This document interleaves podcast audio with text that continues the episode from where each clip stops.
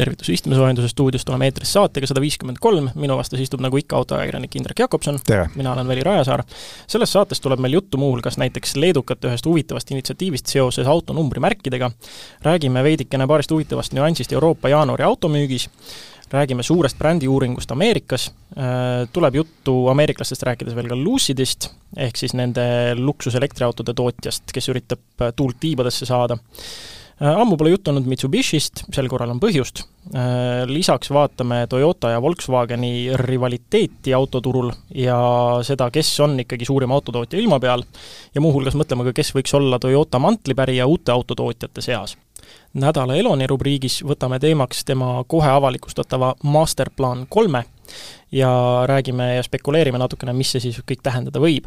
selle saate proovisõiduauto on Mercedes-Benz EQS ja kõige selle eelmainitu vahele pikime muud, muidugi ka muid olulisi uudiseid. aga alustame leedukatest ja sellest auto mõttest, et neil on plaanis oma autonumbreid revideerida ja niimoodi, et nad püsivad kõigi normide ja reeglite piires, aga siiski võimaldavad äh, eelnevast natuke rohkem vabadust jah, et selle saate auto mõte on meil autonumbri mõte ja see on väga äge idee, mida leedukad on teinud Nad nimelt hakkavad äh, sel aastal väljastama täiesti ametlikult riiklikke numbrimärke niimoodi, et neil on riigi embleem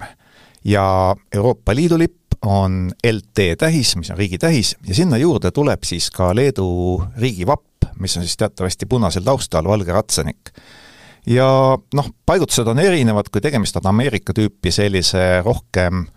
pikkupidi kõrge numbriga, siis nad on üksteise alla laetud kui tegu on tavapärase numbriga kolm tähte, kolm numbrit, nii nagu meil Eestis on sama mõõt, siis on pandud see riigivapp sinna Euroopa Liidu ja Leedu tähise kõrvale.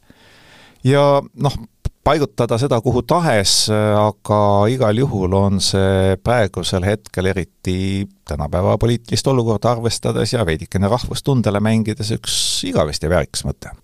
No kui Eestis erinevaid entusiastide gruppe ja foorumeid sirvida, siis jääb ka silma seda, et paljud soovivad, et, et meil pakutavate numbrimärkide osas oleks rohkem vabadust, et mõned tahavad täiesti valget numbrit, kus oleks ainult numbrid ja tähed ja midagi muud, muud sinna nagu ei tahakski, nii nagu vanasti oli, mõned tahavad, et nad saaksid ilma midagi põhjendamata endale näiteks lühikujuga numbrit, aga noh, samas on tore näha, et leedukatel tuleb sinna jällegi hoopis sellist värvi,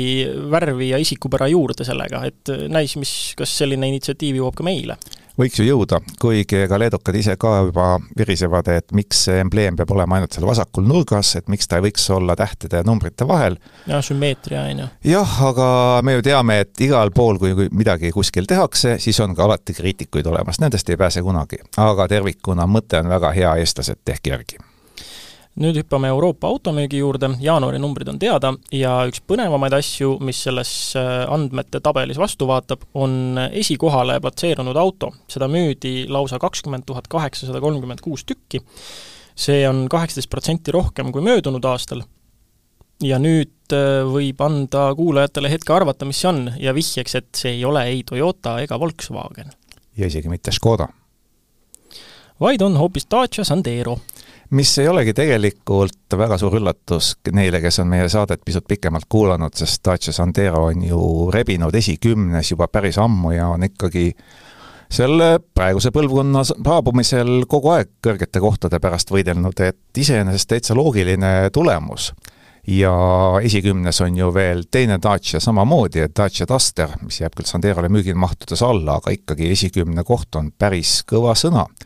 mis võib-olla veel üllatab, on see, et Golf, mida on peetud ikkagi müügietaloniks, on, selle leiame alles kolmeteistkümnendal kohal Hyundai Tucsoni ja Peugeot kahe tuhande kaheksa vahelt, nii et Tiguan ja T-Roc löövad Golfi juba pikemat aega jah, kolmandal kohal Toyota Yaris, neljandal kohal Yaris Cross, viiendal Renault Clio ja noh, niimoodi ta sealt läheb. aga elektriautode müük on teine põnev asi, mida vaadata, et paistab, et ikkagi Tesla on Euroopas suutnud Äh, jala suhteliselt hästi ukse vahele saada, sest et kõige müüdum elektriauto Euroopas jaanuaris oli Tesla Model Y ja seda müüdi seitse tuhat ükssada nelikümmend seitse eksemplari. ja teisel kohal Dacia Spring äh, nelja tuhande kahesaja neljakümne kahega. ega Tesla muidugi oma seitsme tuhande autoga esikümnesse ja ka mitte esikahekümne viite ei oleks mahtunud, aga Dacia Spring, mille kohta meiegi Acceleristas äh, ilmunud loos kirjutasime, et mis see on, see on katusega elektritõuks ja kõikvõimalikke huvitavaid äh, sünonüüme, mis selle auto kohta küll kasutatud on, nii või naa, aga tegemist on hetkel Euroopa teisel kohal müüginumbrite poolest oleva elektriautoga, mis lööb nii Volkswagen ID4 kui ID3 jah, no siin jällegi tundub, et pead on tõstmas äh, need, need autoostjad, kes, kellele võib-olla see brändi imidž ja identiteet nii väga enam äh, korda ei lähe, see, mida teised liiklejad arvavad, kui nad sind selles autos näevad, praegu tundub veel olevat selline mm, levinud suhteliselt nõukaaegne mentaliteet, et ikkagi auto kui staatuse sümbol, aga üha enam on neid kellel on raha ja keda ei huvita, ei huvita üldse see aspekt, et mida sust siis teised arvavad. jah, et äh, Dacia Spring on auto, mis viib sind punktist A punkti B, juhul kui need väga kaugel ei ole, ja Euroopas ju tegelikult laadimisvõrgustik on enam-vähem okei okay.. no kui okei okay,, sellest räägime järgmises saates ja korra vaatame ka eelmisesse saatesse, sest et seal sai mainitud, et Ford F-150 Lightninguga oli äh, akupakkidega jama ja nüüd on siis teada, et mis täpsemalt juhtus, sest süüdlane võttis omaks ja tunnistas üles. no ega tal palju vahele, noh, palju variante ei olnud, et äh, teatavasti neile toodab akusid siis Korea suur kontsern SK, ja kellele see nimi eriti palju ei ütle, siis tegemist on tegelikult Koreas suuruse teise akutootjaga, LG on eespool ja Samsung on tagapool, ja SK kontsernina on tegelikult Korea suuruselt teine ettevõte, et temast on suurem ainult Samsung, nii et äh, meie jaoks need Korea asjad on rohkem kaubamärkide põhised, meil ei ole põhjust sinna sisse vaadata, aga Aasia, aasialaste jaoks on need väga, väga kõvad sõnad ja Fordi kohal, Fordi osas pole midagi eriti muud öelda, kui et tehas seisab ikka veel kuu aega ja sellest, et kvaliteedijuht kinga sai, rääkisime eelmine kord, nüüd on ka selgunud, et Fordi tarneahelate juht lahkub omal soovil, soovides pühendada rohkem aega perekonnale. Ja kui me juba Ameerika teemade juures oleme, siis räägime ka suurest brändiuuringust, põhimõtteliselt brändide populaarsuse uuring, mis kannab äh, nime Customer Experience All Stars ja see on veebiküsitlus, väga palju vastajaid, kokku saadi kolm koma seitse miljonit hinnangut eh, saja kahekümne ühelt tuhandelt vastajalt. ja sinna nimekirja paigutati üle kahe tuhande kahesaja unikaalse kaubamärgi. mis see siis meile ütleb, mida teevad seal nimistus autotootjad, kus, kuhu nad platseerusid, seal on päris põnevaid leide et kui muidugi peame esimese asjana arvestama, et tegu on Ameerika keskse uuringuga ja äh, seal uuriti nii klienditeenindust, uuriti toote kvaliteeti, küsiti tööstusharu spetsiifilisi küsimusi, ehk põhimõtteliselt tõmmati liistule kõik, mis Ameerikas tooteid või teenuseid müüb, nii et iseenesest see andis väga selge pildi, mida kassid ostaksid, kui nad elaksid teisel pool suurt lompi. ja arusaadavalt kuna tegu, nagu juba ütlesime, on Ameerika keskse uuringuga, siis enamus nendest brändidest, mis on nagu ülevalpool, on keskmisele eestlasele täiesti võõrad. et äh, uuringu võitis selline firma nagu Buck, sidekriips EEs no kui palju selle, meile see midagi ütleb? ei, ei kusjuures ei ole, nimi nagu kõlab kuidagi natuke tuttavalt võib-olla, aga ma, ma ei oskaks kohe öelda, et millega nad tegelevad, aga no okei okay,, teisel kohal Chick-fil-A, sellest ma olen kuulnud, äh, see on ka nimes olemas, millega nad tegelevad. no see, et sa juba kuulnud oled, see on väga hea, sest äh, esikohal olev firma on tanklakett, mis äh, on ameeriklaste seas kõige populaarsem, sellepärast et seal olevat väga hea kvaliteet, väga puhtad tualetid ja väga hea teenindus ja seda vaadates on väga üllatav, et kolmandale kohale platseerus üldsegi Toyota. no see on müstiliselt ülikõva tase, et kui me arvestame veel kord, et kaks tuhat kakssada pluss brändi ja, ja autofirmadel ei läinud seal väga hästi,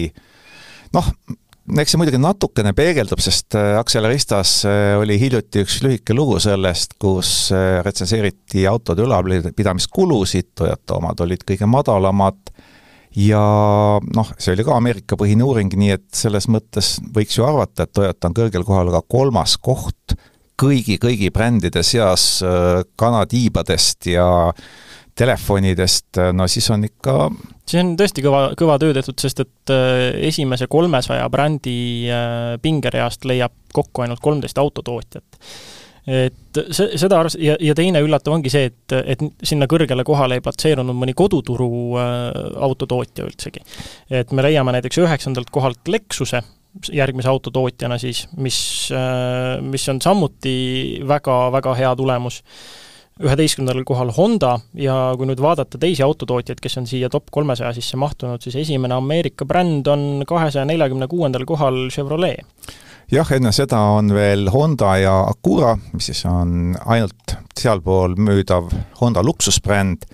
ja tegelikult ega pärast esinelikut ehk kolmas, üheksas, üksteist ja kakskümmend kaheksa Toyota, Lexus, Honda, Subaru siis tuleb ikka väga hulk tükk tühja maad, küll tulevad seal Apple'i iPhone'id ja Samsungi läpakad ja kõik muu, mis meile nagu võib-olla natuke tuttav on. ja siis tulebki alles kakssada neliteist äh, koha peal Mazda, aga ikkagi kolmesaja sisse ülikõva sõna. ja esimene äh, selline luksusbränd, mis siis on selle suure kolmiku või suure neliku Mercedes, Audi, BMW ja Lexus Nendest siis kahesaja kahekümne kuuendal kohal leiame Mercedes-Benzi. no ja minul on tekkinud äh, üks suur küsimus, ma eeldan, et see on tekkinud ka paljudel kuulajatel, see on see, et kus kuradi kohas on Tesla? miks teda seal eespool ei ole, kuhu tema siis platseerus? no tema ei platseerunud ka mitte kuskile, sellepärast et äh, FSD ees laibad taga printsiibiga tarbijate südameid väga ei võida, vähemalt nende tarbijate südameid, kes Teslat endale ostnud ei ole Tesla on firma, mis on oma omanike jaoks küll jah, üsna selline brändi hoidev, ehk et need, kes on korra Tesla soetanud, armastavad äh, regulaarselt ka järgmisena Teslat osta. aga kui vaadata üldse kogu kõigi selle asjade ja teenuste peale, mille peale raha pannakse, siis jah, Teslale esi kolmesajasse asja ei ole aga eelmises saates oli meil pikalt juttu Eesmärk viiekümne viiest või Fit for fifty five'ist. Äh, pikalt me selles saates sellest tulenevalt äh, ei räägi, aga pisut on põhjust rääkida ikkagi küll. Äh, esmaspäeval ilmus Acceleristas ka lugu, kus Coop panga liisingujuht rahustab siis autoomanikke, et ega need sisepõlemismootoriga autod selle direktiivi tõttu veel kuskile ei kao ja noh, puhtalt siis juba seetõttu, et ei ole kooskõlas äh, uute autode hinnad ja inimeste ostuvõime, maksevõime. et puhtalt selle loogika tõi, ütles, et meil ikkagi pikaks ajaks jäävad siin turul domineerima kasutatud sisepõlemismootoriga autod, aga üks küsitav äh, seisukoht või arvamus tal ikkagi seal on ja ta arvab, et noh, et kui asjad siin edasi liiguvad, et äh, et siis on võimalik, et seda kahe tuhande kolmekümne viienda aasta tärminit lükatakse edasi. see, see, see natuke tekitab küsimuse, et pigem on praegu asi vist nii kaugel, et seda ei tasuks loota no tegelikult eh, mitte midagi siin ilmas ei ole välistatud, aga ütleme otse välja, et see on väga vähetõenäoline. ja noh, oleme ka ausad, Coop Pank Äh, ei ole kindlasti see institutsioon, kes tegelikult äh, omab mingisugust sõnaõigust selles osas, milliseid autosid Eestis müüakse või mitte, aga häid sõnumeid on alati tore kuulda. aga tema jutust äh, lisaks sellele kahtlase võitu statement'ile oli üks väga huvitav number ja Coop Panga statistika järgi on liisitud elektriautode keskmine hind seitsekümmend üheksa tuhat eurot kes ei kuulnud, neile kordan veel, seitsekümmend üheksa tuhat eurot, mitte krooni ega rubla. et äh, edasi võime mõni teine kord arutada teemadel, kuidas elektriautod kohe-kohe odavamaks lähevad ja hinnad sisepõlemismootoriga autodega võrdsustuma hakkavad aga elektriautode teemal ka jätkame, Lucid, Ameerika tootja, luksuslikud elektriautod, on pikalt üritanud saada oma tootmist käima, lubasid eelmisel aastal juba, et toodavad kakskümmend tuhat autot, noh, tuli välja veidi alla kaheksa tuhande, äh, huvitav korrelatsioon juhtus seal aktsiahinnaga selles osas, et noh, et tootmine oli üle kuuekümne protsendi väiksem kui lubatud, aga aktsiahind kukkus ainult kolmteist protsenti. noh, see nüüd on natukene iroonia, sest kui ta oleks veel paar korda kolmteist kukkunud, siis oleks see juba selline odav müük, et võib-olla investorid oleksid hakanud oma otsuste osas kõhklevale positsioonile jääma, aga mida Jussid huvitavat tegi, on see, et ta andis oma kõikidele klientidele, kes ostavad mõne luksuselektrise Taani seitse tuhat viissada dollarit hinnaalandust miks on seitse tuhat viissada dollarit oluline number, sellepärast et nagu oleme varemgi rääkinud,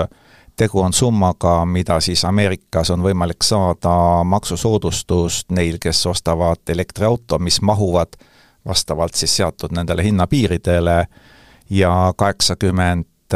tuhat dollarit on paki, pakiauto, kastika, universaali suure maasturi hinnapiir ja sõiduautole siis viiskümmend viis tuhat dollarit, Lucid'i omad muidugi kummalegi ei mahu,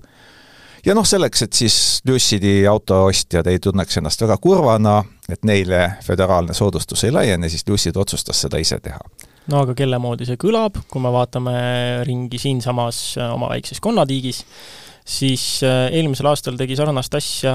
Nissan või siis äh, Facto auto, kes samamoodi pakkusid elektriauto ostusoodustusest ilmajäänuile või ostutoetusest ilmajäänuile siis omapoolset hinnaalandust. jah, ja üks suured sildid olid tee ääres, et jäid elektriauto ostutoetusest ilma. Pole probleemi, meie juures saad sa selle hinnasoodustuse kätte. et nagu näha, see töötab just. Aga Lucidi teemal veel, äh, kuigi sai mainitud juba, et aktsia hind äh, kukkus, siis äh, ei ole sellest hullu midagi, Saudi Araabia muudkui kraabib kõik kokku, ostab endale ära, et nüüd tõmmati kokku veel kakssada miljonit Lucidi aktsiat ja see on siis ähm, Saudi riiklik investeerimisfond PIF, ja nüüd on äh, osalus neil lausa kuuskümmend kaks protsenti. nii et tegu ei ole mingi Ameerika firmaga, tegu on juba sisuliselt Araabia firmaga ja tegelikult spekulatsioonid käivad ainult sellel teemal, kas saudid ostavad kõik välja ja viivad ta üldse börsilt minema,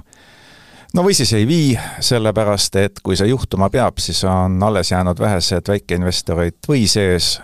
aga selge on see, et järgmise aasta jooksul hiljemalt, kui mitte juba käesoleva aasta jooksul, peab midagi juhtuma, sest Lucid põletab aastas vähemalt käesoleval aastal neli koma kuus miljardit dollarit ja järgmisel aastal on tal raha otsas. aga võtame ette nüüd hoopiski ühe autotootja, kellest muidugi äh, täiesti põhjusega ei ole saates väga palju juttu olnud, see on Mitsubishi. kuulajad võivad nüüd mõelda, et mis Mitsubishi uudiseid on neile siin ette jäänud. nagu õieti polegi ja just seetõttu me ka väga neist rääkinud ei ole. aga äh, nüüd väike uudis koduturult, see on siis see, et äh, Mitsubishi autode hoolduspartner on äh, nüüd siis top-auto, jällegi lisan siia disclaimer'i, ei, ei ole makstud ettekanne, ei ole üleskutse minna sinna top-auto esindusse kohe kõikide oma asjadega, vaid lihtsalt jäi silma, jäi kõrva ja anname Mitsubishi omanikele väärtuslikku info edasi, kui veel ei ole jõudnud jah, et äh, kõik Mitsubishi omanikud peaksid olema tegelikult saanud teavituse, ma isegi ei mäleta enam, kas see tuli meili teel või SMS-iga, et äh, nüüd nad võivad minna Haigla tänavale Tallinnas garantiiprobleemidega, muude muredega, sealt saab hooldust ja remonti. mida ei saa sealt, sealt ei saa uusi autosid ja probleem on selles, et hetkel Eestist ei saa üleüldse kusagilt uusi Mitsubishisid, et Mitsubishi leht äh, ei andnud vahepeal isegi veateadet, võib-olla nad praeguseks hetkeks suutnud selle ära parandada, nõks aega tagasi oli seal lihtsalt valge leht vastas ja Veho.ee, kes siis on nüüd praegusel hetkel ametlikult äh, kaubamärkide Mercedes-Benz ja Mitsubishi ja FUSA autoriseeritud müügi- ja teenindusorganisatsioon, see kehtis kuni eelmise aasta lõpuni, praegusel hetkel on siis selleks ainult top auto ja Mitsubishi omanikud, kui te soovite oma auto garantiid säilitada, siis ei ole teil ausalt öelda muud valikut, kui te ei taha just kellegagi vaielda, kui te eelistate margihooldust, siis tuleb minna top-autosse. järgmiseks Mitsubishi uudis, äh, see on nädala kadunuke ja mudel ASX, esimene põlvkond, ja see on nüüd otsa lõppenud. See on jah, meie nädala kadunuke ja sellest on tegelikult päris kahju ja miks, äh, sellepärast et äh, tegemist oli neetult, oli, on, tegu on neetult vastupidava autoga. Äh, eks ta oli konstrueeritud üsna lihtsalt, esimesed poritiivad on plastist, mis on väga hea, nad ei roosteta ja kui neid on vaja vahetada, nad ei maksa palju no tõsi, äh, tundub, et tehases unustati müraisolatsioon projekteerida, et kui te peate sõitma ikka Tallinn-Narva vahet ja teil on naastrehvid all, siis ma arvan, et pärast esimest reisi te teist enam ette ei võta. aga see auto kestab ja kestab ja kestab ilma mingite hädadeta, sest äh, Eestis levinud mudeli konfiguratsioonis on seal ühe koma kuue liitrine vabalt hingav nelja silindriga bensiinimootor, mis on täiesti lollikindel ja ei võta ta õli ega midagi muud ja ta kestab ja kannatab ära kõik need õnnetused, mida temaga omanikud võivad teha. et äh, kui natuke ajalukku minna, siis mida see ASX tähendab, see tuligi lühendist Active Sports Crossover ja noh, crossover siis tehti X-iks ja alguses äh, oligi niimoodi, et ta oli ainukene auto Outlanderi all mõned aastad tagasi tuli ka siis Eclipse Cross ja siis kahekümne kaks tuhat seitseteist oli siis autoks, mis on ASX ja Outlander vahel. aga platvorm, millele see tehti, oli ju tegelikult väga universaalne, et Lancer, mis on C-segmendi sõiduauto, ja Outlander, mis on ikka suuremat sorti maastur, äh, tegelikult platvorm on neil kõigil üks ja sama, aga ASX-i puhul jäeti platvormil puhul ka teljevahe Outlanderiga samaks ehk et ehitati paarkümmend sentimeetrit lühem auto sama pika teljevahega, mis tähendab seda, et tagaistmel on päris palju ruumi. ja Jaapani, Korea, Kanada turgudel müüdi seda siis RVR nime all ja USA-s, Brasiilias, Argentiinas müüdi teda Mitsubishi Outlander Sporti nime all. noh, nagu juba ütlesime, spordist oli asi kaugel, aga las ta olla, nimeks hea küll ja auto väärtust see tegelikult ei kahandanud ja esimese põlve ASX-i taustainfona veel nii palju, et seda toodeti ka Citroen C4 Aircrossi ja Peugeot nelja tuhande kaheksa nime all BSA kontsernis, ehk siis tegelikult ka sama auto aga siit tuleb ka meie Mitsubishi uudis number kolm, kus neid nüüd sai äkitselt nagu niimoodi paisu tagant valla siia ühte saatesse kokku, et äh, ASX-ist tuleb ikkagi teine põlvkond, aga see tuleb tehniliselt täiesti teistsugune auto ja põhimõtteliselt saab tegu olema Renault Capturiga üldsegi. jah, et seda pikalt mõeldi, et kas üldse jätkab ja jätkab, jätkab ja jätkab, tuleb Euroopasse, ei tule, et eks neid äh, kõikumisi oli selle Renault, Nissan, Mitsubishi alliansi sees piisavalt, aga nüüd on need otsused teada ja need autod on tootmisküpselt valmis ja ega see uus Mitsubishi ASX ei erine oluliselt äh, sellest autost, millel ta baseeruma hakkab ja see on siis Renault Captur või Capture, oleneb, kuidas siis keegi hääldada tahab. ja baseerub ta siis loomulikult äh, CMFB äh, platvormil ja see oli siis tehtud juba enne valmis, kui Mitsubishi üldse selle alliansiga liitus. ja tootma hakatakse seda üdini Jaapani autot hoopis Hispaanias, loomulikult Renault tehases ja sama liini peal, kus ka Renault Captur raha tuleb. no põhilised muudatused, mis nüüd tulevad, on see, et diislit enam ei saa, nelikut enam ei saa, äh, auto liigub klass allapoole ehk B-segmenti, aga samas mootorivalikuid nagu tuleb, sest et Alliansil neid ikkagi jagub, et äh, lubatakse lausa neli tükki, Dacialt tuttav üheliitrine turbomootor, ühe koma kolme liitrine hübriid, mida jagatakse siis äh, Mercedesega muuhulgas, ja tulevad veel ka tavahübriid ja pistikhübriid et noh, see on, äh, hetkel on näidatud autot, mis on Renault Capturiga ikkagi väga sarnane, võiks isegi öelda, et raskesti eristatav, äh, aga mm, eks aeg näitab, kas seal midagi veel muutub. järgmisena vaatame aga, kes müüs üldse möödunud aastal maailmas kõige rohkem autosid. aga alustame üldsegi väiksest Eesti turust, ütleme kolm olulist fakti. esiteks, äh, Toyota RAV4 on juba neljandat aastat järjest enim müüdud auto meie turul juba kahe tuhande kaheteistkümnendast aastast on Toyota enim müüdud bränd ja top kümnes möödunud aastal müüdud autodest oli lausa neli Toyotat. kas see oli vihje või? et võiks öelda, et maailmapildis ähm, Eesti väga ei erine, sest et tõesti ka maailmas oli Toyota möödunud aastal enim müünud autotootja. Et kokku tuli koos kõigi oma markidega lausa välja kümme koma nelisada kaheksakümmend kolm miljonit autot no see on muidugi niimoodi, et seal on kokku võetud nii Toyota ise, sinna on juurde lisatud tema luksusmark, milleks on siis Lexus teatavasti, sinna on lisatud tema väikeauto Daihatsu ja Toyotal on ka veoautode divisjon nimega Hino, mis küll Eestis erilise müügieduga silma ei paista, aga ei olegi vaja. Ja noh, kolmandat aastat järjest on äh, Toyota maailma enim müüdud autotootja. et selles mõttes ei ole turul suuri liikumisi toimunud no tegelikult ikka natuke on Westman all ja piibeleht peal küll, sellepärast et kui me vaatame viimast kümmet aastat, siis äh, üleilmselt on ju ainult kaks marki kogu aeg käinud üles-alla, kord Westman all, piibeleht peal, et kui Volkswageni kontsernis on ju neid brände tohutult rohkem, lisaks Škoda, Seat, Cupra, Audi, Porsche, Lamborghini, Bentley ja lisaks veel mitmed veoautomargid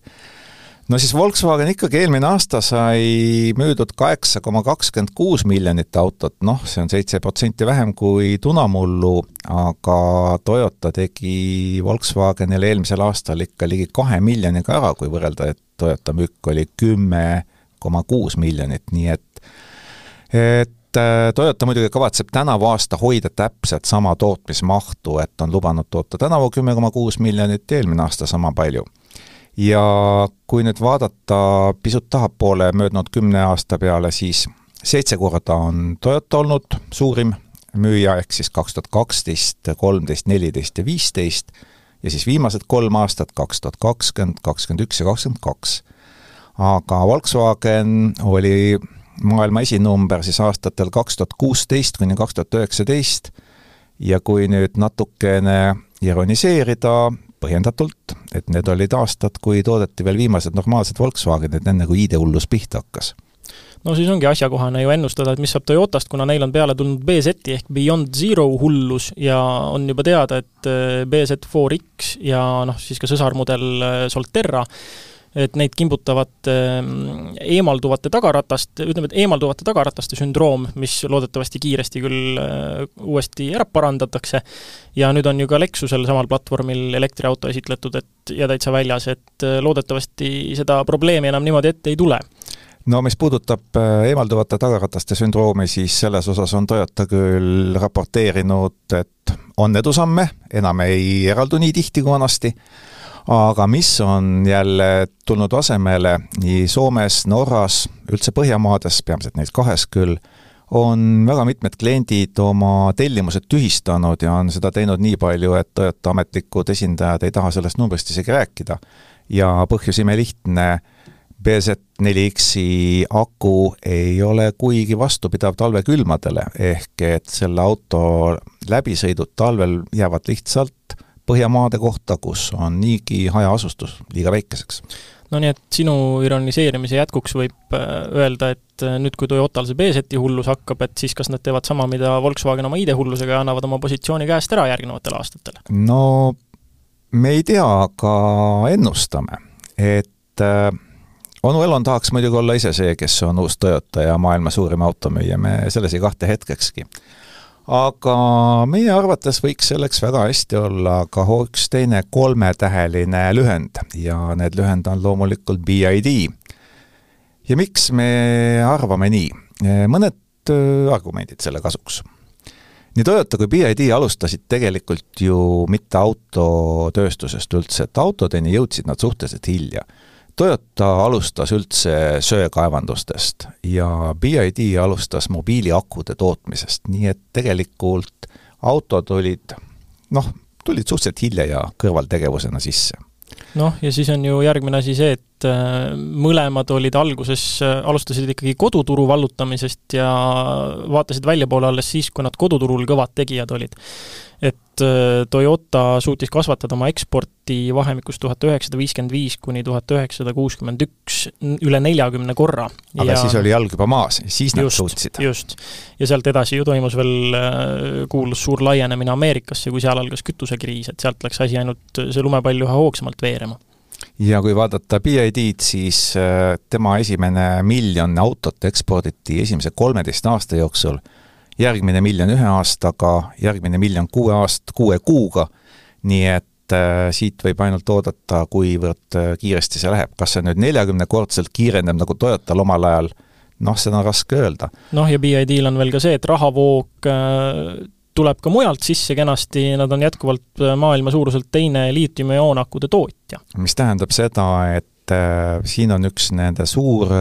põhimõtteline lähenemine, nad armastavad asju hoida kõik oma firma sees ehk ühe kontsorni sees. ja see on sarnane mõlemale, sest Toyota jaoks on ju analoogiline see, et äh, Toyota sai üleilmselt tuntuks, jõudis äh, igasuguste ärikoolide õpikutesse sellega, et kui öelda Kaizen, kui öelda just in time, kui öelda lean, no mida me mõtleme, me mõtleme Toyota ja BID on maailma, praeguseks hetkeks maailma suurim vertikaalselt integreeritud firma. ehk et kõik tehakse oma firma sees, noh näiteks nagu Eestis Oleg Gross kasvatab, töötleb ja müüb, ainult et toiduaineid. ja BID ametlik filosoofia on GSD, get shit done. see kõlab väga midagi Elon Muskilikku. jaa, aga sellepärast ongi, et eh, kui sa tahad Elon Muskist parem olla, siis sa pead eh, nii mõndagi Elon Muskilikku tegema. noh, siis peab GSDF, get shit done faster. jah, ja kui rääkida veel akudest, siis ju akude tootmine, nad ei ole mitte ainult maailma teisel kohal, vaid sealt tuleb ka teisel kohal BID tuludest ja tehnoloogia arendusest, et autodest tuleb seitsekümmend kolm protsenti elektroonikast, mobiilidest, muust pudi-padist tuleb veel kakskümmend seitse. Ja järgmine asi on muidugi see, et mõlemil on olnud Ameerika turuga sellised ähm, mitte kõige paremad suhted mingil hetkel ajaloos, et äh, Toyota algselt äh, selles esimeses katses ikkagi hävis Ameerika turule tulla ja BID pole siiani eriti julgenud Ameerika turule siseneda hoogsalt. no eriti õhupallikriisi valguses ilmselt äh, nühkub see tulemine veel natukene edasi aga sellele vaatamata, mis on nendel ühine joon, on see, et mõlemad teevad rohkem, kui ei räägivad. ja see on üks äh, suuremaid erisusi, mis eristab neid firmasid Teslast. ja võib-olla veel viimane erinevus, kui vaadata siit Eesti poolt, siis mõlemad on esindatud Soome turul, üks juhib Eesti turul, teine ei saa kuidagi üle lahe tuldud. või on see lihtsalt aja küsimus, seda me ei tea, aga eks me varsti näeme no aga siit ongi hea hetk minna sujuvalt üle nädala Eloni teemadele ja vaadata, kuidas see kakelong tema jaoks välja tuleb, sest alles mõni aeg tagasi ta ju kiitis Herbert Jessi, äh, Volkswageni äh, AG endist juhti, ja ütles, et väga ägedalt teeb asju ja Volkswagen oli maailma suuruselt teine elektriautotootja. aga nüüd ikkagi Elon on ka ju öelnud, et ta kardab rohkem siin ühte suurt Hiina konkurenti jah, et Diss on lahkunud ja Elan ütles sõna-sõnalt välja, et tõenäoliselt saab ühest Hiina autotootjast Tesla peamine konkurent. ta ei hakanud ütlema küll, mis olla võib. aga ütleme, kujutlusvõimele väga ruumi ei jäänud. jah, ja Elan vastas küsimusele, et äh, mida ta siis arvab nendest Hiina autotootjatest, äh, vastas Elon lihtsalt, et nad töötavad kõige raskemalt ja kõige targemalt. Get shit done faster ja Elon arvas, et Tesla järel teine on ilmselt mõni Hiina ettevõte, nii et ootame põnevusega, kas teine või juba esimene. Hiina turul esimene, maailmas on Teslal veel esikoht. Aga tulemas on ka täitsa juba homme, ehk siis äh, tegelikult äh, saate avalikustamise päeval suure tõenäosusega, salvestame kahekümne kaheksandal veebruaril, äh, esimesel märtsil on Tesla investorite päev. ehk siis suure tõenäosusega saate avalikustamise hetkeks on juba teada, mis seal enam-vähem räägiti või mis sealt tuleb, aga see ei takista meid spekuleerimast mida me ilmselt kindlasti teame, on see, et Elon esindab seal masterplan kolme, et tõlkige siis seda, kas plaan kolm või plaani kolmas osa, aga mõte jääb samaks. Ja mida ta sisaldab, eks üldplaanis me enam-vähem võime ju spekuleerida, mis seal on, tõenäoliselt on seal teemasid energiasalvestusest, autosid loomulikult välistada ei saa, ja mis on võib-olla veel huvitav, et kui te lähete ise sinna kohale, kui jõuate, siis äh, saate ekskursiooni Tesla Austini tehases, see on kõigile isiklikult kohal viibijatel täiesti tasuta, kõigile aktsionäridele. Ja kui te kohale minna ei saa, siis voogedastus tuleb otse Gigafactory Texas saidi pealt ja eks siis seal kuuleb kõike, mida nagu äh, Elon on siiamaani teinud ja lähemal ajal siis suurelt plaanib. Et kui veel masterplanist äh, natuke rääkida, siis see kolmas osa tuleneb pärast esimest osa, mida siis Tesla avaldas äh, kahe tuhande kuuendal aastal ja teise osa siis kümme aastat hiljem, kaks tuhat kuusteist, et nüüd ongi siis kolmas aeg, äh, kolmas plaani osa, kolmas plaan käes. no mida me sealt võime oodata? Tesla Roadster, eelmises saates rääkisime pikalt esimesest põlvkonnast, rääkisime ka sellest, et Elon lubab tänavu teist põlvkonda, no elame-näeme. Äh, no kindlasti räägib ta Cybertruckist, äh, millest me juba teame, et nihkus jälle edasi. mida me põnevusega ootame, on see, et kas seal tuleb uus äh, sõidukiplatvorm, me ju kõik teame, et on lekitatud igasuguseid renderdusi Model kahest. aga kas see auto tegelikult on olemas, kas seda autot esitletakse? Ja noh, me teame, et ta kunagi tuleb, aga millal, kas nüüd, see on põnev. No eks ta lisaks siin räägitakse ka midagi autonoomsest sõidurakendustest, kindlasti FSD-st natuke, võib-olla energiasalvestusest, võib-olla laadimisvõrgust, võib-olla robotist, et äh, homme samal ajal oleme juba selles suhtes targemad. ja kui Elon tõesti otsustab äh, siis Model kahte või vähemalt uut platvormi näidata, mida me kõige rohkem ootame, no siis ilmselt äh, ta näärib esialgu ikka kontseptsioonist, Äh, ja tavapäraselt on ju niimoodi, et kontseptsioon, pildid, demo ja siis umbes neli aastat hiljem aga tuleme nüüd mitte käegakatsutavate Teslade juurest hoopiski millegi käegakatsutavama juurde ja selleks on selle nädala proovisõiduauto. said sõita Mercedes-Benz EQS-iga, äh, luksuslik elektrisedaan, äh, kuidas, mis mulje ta siis sulle jättis, alustame numbritest, mis on hind, mis võimsus, kiirendus, mis veoskeem, mis sõiduulatus? hakkame pihta lihtsamatest asjadest, võimsus kolmsada kaheksakümmend viis kilovatti, viissada kakskümmend kolm hobujõudu. Minu kasutuses oli viissada kaheksakümmend nelikveoline versioon, sellest on ka neljasaja viiekümne hobujõulist versiooni ja kui see auto sõidab tavaolukorras mööda maanteed, siis ta on esiveoline ja tagarattad liituvad äh, siis, kui on selleks eraldi vajadus. kaks mootorit, äh, üks esisillal, üks tagasillal, nii et selles suhtes klassikaline skeem. kas nelikroolimine oli? Oli ja nelikroolimine oli pisut üle kümne kraadi mis tähendab seda, et see tohutu kolakas, üle viie koma kahe meetri pikk, pöörab tõesti suurepäraselt, temaga manööverdamine on puhas rõõm ja nagu me rääkisime juba EQE e kohta, siis libeda peal no käitub kuidagi valesti, jätkuvalt. võib-olla, võib-olla kui saaks temaga sõita näiteks kuu aega või aasta, võib-olla siis harjuks ära. Aga kui juba sõidust rääkida sellises eriolukorras, siis jälle meil väga vedas, oli kuiv asfalti, oli märga, oli lund ja nende tulemusena ega selles olukorras käitub EQS samamoodi no tühimass pisut alla kolme tonni, täismass kolme koma kahe tonni kanti. no seal võib igaüks ise arvata, rooli kuidas tahad, seda massi ära ei peida. ja aga ega see ei olegi tegelikult tema eesmärk, sest see auto on mõeldud ikkagi sujuvaks, mugavaks kulgemiseks, mitte külgsi laskmiseks. kas sa proovisid ära ka, kuidas on äh, auto omaniku äh, nii-öelda tööruum, kas sa lasid end sõidutada, olid ise lõõgastusid tagaistmel või läpakas süles tegid seal tööd või kuidas sellega oli, proovisid ära? see on väga hea küsimus, sellepärast et et äh, kui võrdleme nüüd seda EQS-i äh, sellise klassikalise Zonna-klasse ehk siis S-klassi Mercedesega, siis tagaiste on üllatavalt tagasihoidlik. sinna saab ilusti, sealt saab ilusti välja, seal on ruumi, pea ei käi vastu lage, aga kui sa räägid läpakaga töö tegemisest, siis mind üllatas, et seal ei olnud ühtegi USB pistikut. no võib-olla saab neid juurde tellida, ma ei tea, aga see hakkas silma seal ei olnud äh, katuses näiteks äh, sangasid, kust kinni hoida, kui soovid väljuda, äh, jällegi lisavarustuses, palun, aga need sellised pisiasjad hakkasid silma ja jätsid mulje, et EQS ei ole mõeldud ennekõike tagaistme lösutajale, et EQS on mõeldud ennekõike inimesele, kellel on piisavalt palju raha, kellel on vaja sõita ise roolis ja selles suhtes on ta muidugi noh, ma ei taha öelda, et ületamatu, aga vähemalt tippklassist. Äh, mainisid piisavalt palju raha, kui palju raha? no proovisõiduauto hind selles konfiguratsioonis, mis ta oli, jääb saja seitsmekümne, saja kaheksakümne tuhande vahele aga kui lisa, nagu juba ütlesime, et siit ja sealt nipet-näpet puudu, et kui lisavarustusega mängida, siis äh, õnnestub selle hinnaga üle kahega algava numbri viia. aga noh, see tähendab juba kõik, kõik kellad ja viled, et äh, tegelikult sellise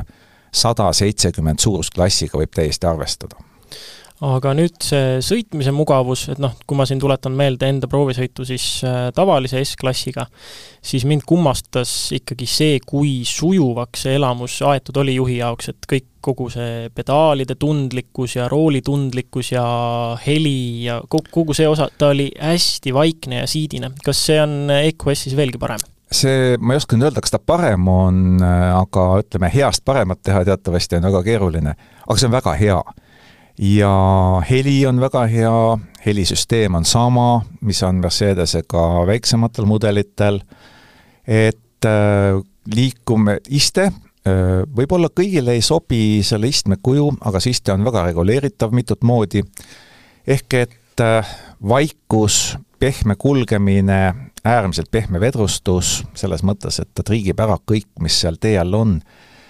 ta on mõeldud selleks, et sa istud sinna autosse mugavalt, sa liigud ja sa nagu eraldud sellisest äh, ümbruskonnast, et sul ei teki sellist äh, müra, kõik muud helid, sa oled auto, sina, sa liigud ja sa tead, see auto tegelikult teeb äh, väga kiiresti ja väga kindlalt see, mida sa tahad. ma tuletan jälle kord oma tavalise S-klassi proovisõitu meelde, siis mulle jäi kaks olulist asja kõrva taha, esiteks oli see, et põhimõtteliselt see oli mm, juhi jaoks sätitud nii, et ka treenitud ahv suudab sellega ülistabiilselt ja sujuvalt sõita. Ja teine asi oli see, et juba sellele autole lähenemine sunnib su sammu selliseks rahulikuks, sinu tegevused läbimõelduks, kõigele tekib nagu mingi mõte taha, et ta ei innusta kuidagiviisi mingit rapsimist. kas, kas see on analoogne EQS-iga? see on analoogne EQS-iga ja see ei ole nii väga analoogne EQE AMG-ga,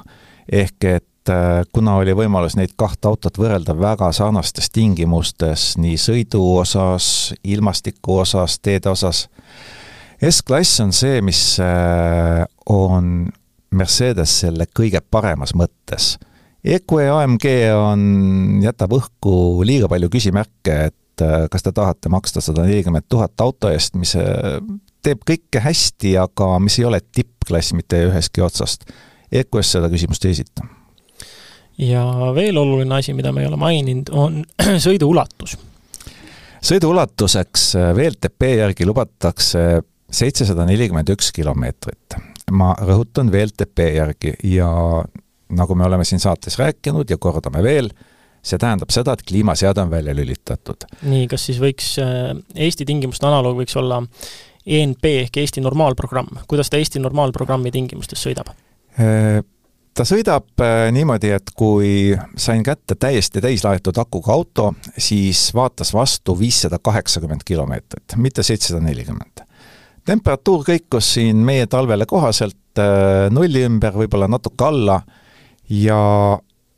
kui ma selle auto olin sunnitud laadima panema ja siis ka hiljem tagastasin, siis äh, üsna täpselt on selge, et kolmsada viiskümmend kilomeetrit sõidab see auto noh, kinnisilmi ja nelisada no kui hakkad juba, tähendab, siis läheb ohtlikuks, sa pead välja lülitama kliima ja kõik muu taoline. Et äh, kolmesaja viiekümne, neljasaja kilomeetri vahel on see reaalne läbisõit, mina sain keskmiseks elektrikuluks äh, kõige stabiilsemal ajal kakskümmend üheksa ja pool, aga see tähendab maanteel ühtlane sujuv sõit ja vahepeal ka ökorežiimis äh, üht-teist välja lülitatud, nii et kui ma võrdlen EQE-ga, kus kuluks samades tingimustes sai kakskümmend seitse ja pool, siis ma küsisin, et Mercedes, kuhu selle elektri paned no nüüd ma ei, ei küsi, sellepärast et eks talvel ongi arusaadav, et need läbisõidud ongi väiksemad, aga arvestades seda, et tal on peaaegu kolm tonni ringi vedada ja ta suudab sajani lennutada sind nelja sekundiga, siis ei ole see ju üldse paha. ja mis su lõplik hinnang olla võiks nüüd, kas ähm, kui on raha olemas, siis äh, tõtta ostma, sest kassid seda ostaksid, või äh, tuleb sul ette turul mõni teine konkurent, kes äh, kes teeb seda pakutavat paremini? Seda pakutavat paremini on raske teha, sellepärast et ta istub natukene selles segmendis, kuhu enam tänapäeval väga tulla ei taheta. kas ta on parim? Sellele ma annan vastuse maipühade ajal, siis kui on ära proovitud EQS SUV. Ehk et äh, auto, mis baseerub samal, samal platvormil, samal sedaanil, aga on linnamaastur ehk et äh, selles osas, kas ta on nüüd kõige parem, jah, selles suhtes on meil aega arvata, aga omas klassis, sedaanide klassis, tundub ta tõesti ületamatu. üks huvitav nüanss. teadupärast äh, tänapäeval no vist peaaegu kõikidel uutel autodel on äpp, millest noh, saab peamiselt äh, uksi lahti teha ja no võib-olla natukene üht-teist vigureid veel siis me teame seda, et äh, automüüjad ei taha väga sind sinna äppi juurde ligi lasta, sest noh, see on, noh, see on automüüja jaoks tüütu, ütleme otse, eks ole, see on, parimad on seda teinud jah, ja see on võtnud neil pool tundi niimoodi minuga jukerdamist. olen selle treima saanud, olen väga rahul olnud. Ja siis, äh, kui sa tahad hommikul selle elektriautoga sõitma minna ja sa tahad, et see auto oleks soe, siis erinevad äh, muud firmad, mis ei ole Mercedes, leiavad igasuguseid ettekäändeid, miks seda mitte teha. küll nad nõuavad, et auto oleks ühendatud laadijaga, küll sul peab äpp olema. Mercedes elektriauto lihtsalt ütleb, et kui sa tahad sõitma hakata kell seitse kakskümmend ja sa tahad, et auto oleks sel ajal soe, siis auto on soe. ja sul ei ole vaja äppi ja sul ei ole vaja teda juhtme külge panna, noh, sest äh, Mercedese omanik ei pruugi alati viitsida igal õhtul oma autot laadima panna, tal ei ole selleks vajadust. aga kuidas see siis käib, kus sa teada annad autole, et nii, sel ajal ma tahan sõitma hakata? no nii nagu vana hea Webasto ajal, et äh, lähed äh, keskekraanilt paneeli peal, ütled väljasõiduaeg seitse kakskümmend, see kuupäev ja auto on sel ajal soe selline oli Indreku arvamus Mercedes-Benz EQS-ist ja selline oli ühtlasi ka meie saja viiekümne kolmas saade. aitäh kõigile, kes meid siiamaani kuulasid, loodetavasti kuulate ka järgmine kord! Kuulmiseni!